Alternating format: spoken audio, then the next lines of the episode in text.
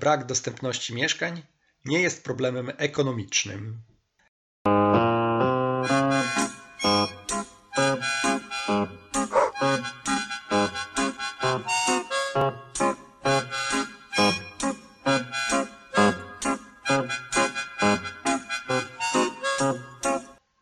W Polsce kiedyś nie był dostępny sprzęt AGD, telefon czy samochód. W ciągu ostatnich 30 lat te problemy zostały rozwiązane. Najwyższy czas na równie skuteczne rozwiązania w sprawie dostępności mieszkań. Zapraszam do wspólnego główkowania, uczenia się i budowania. Na rynku mieszkaniowym razem możemy dużo więcej niż pojedynkę. Tu Krzysztof Nędzyński, a to jest podcast bez dewelopera i kredytu. Co to znaczy, że brak dostępności mieszkań nie jest problemem ekonomicznym? To znaczy, że mamy technologię, to znaczy, że mamy ziemię, to znaczy, że mamy pieniądze potrzebne po to, żeby zwiększyć podaż mieszkań w wystarczającym stopniu. Po pierwsze, mamy technologię. W ostatni piątek byłem w fabryce, która robi prefabrykaty mieszkaniowe, które są oferowane w cenie około 2,5 tysiąca złotych za metr kwadratowy. W jednym z przyszłych odcinków opowiem Wam więcej o technologii. Innych podobnych technologii jest więcej. Mamy ziemię. W Polsce brakuje ziemi pod budownictwo mieszkaniowe. W planach zagospodarowania przestrzeni jest miejsce, gdzie można byłoby wybudować mieszkanie dla 300 milionów ludzi. I po trzecie, pieniądze. Pieniądze też nie są problemem. Program Mieszkanie Plus to, mówiąc w super telegraficznym skrócie, fundusz inwestycyjny, który inwestuje w mieszkania.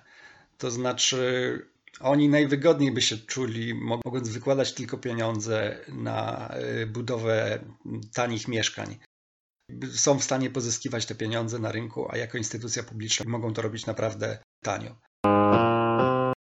Nad każdy z tych tematów, na temat technologii, na temat y, ziemi i zagospodarowania przestrzennego i pieniędzy, można by napisać ogromną książkę.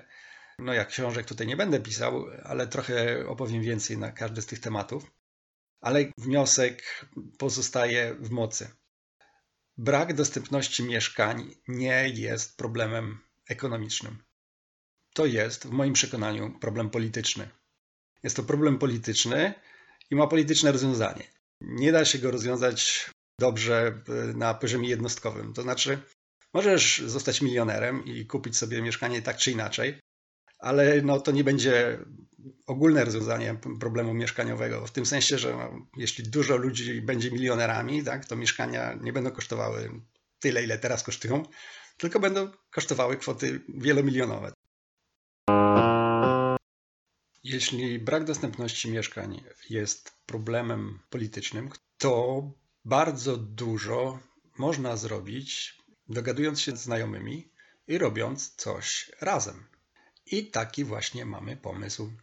Chcemy wybudować mini osiedle. Mini osiedle to cel ostateczny, do którego prowadzi długa droga, a pierwszym krokiem, który chcemy wykonać, to jest budowa małego domu w mieście.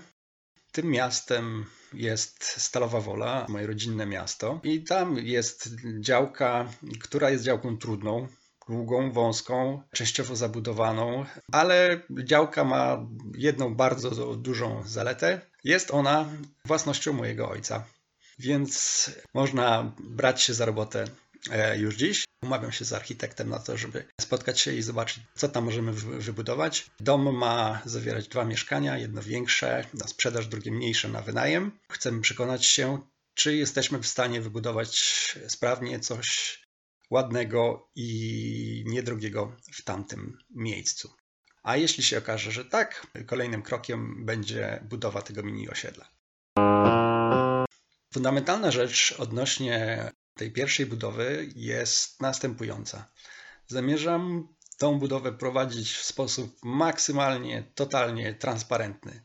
Od początku do końca będę pokazywał, ile co kosztuje, ile co trwa, jak się załatwia różne rzeczy, czy czasem można załatwić je lepiej i szybciej, w jaki sposób. Po kolei, można powiedzieć, dziennik budowy e, będzie online dostępny dla wszystkich do, do popatrzenia.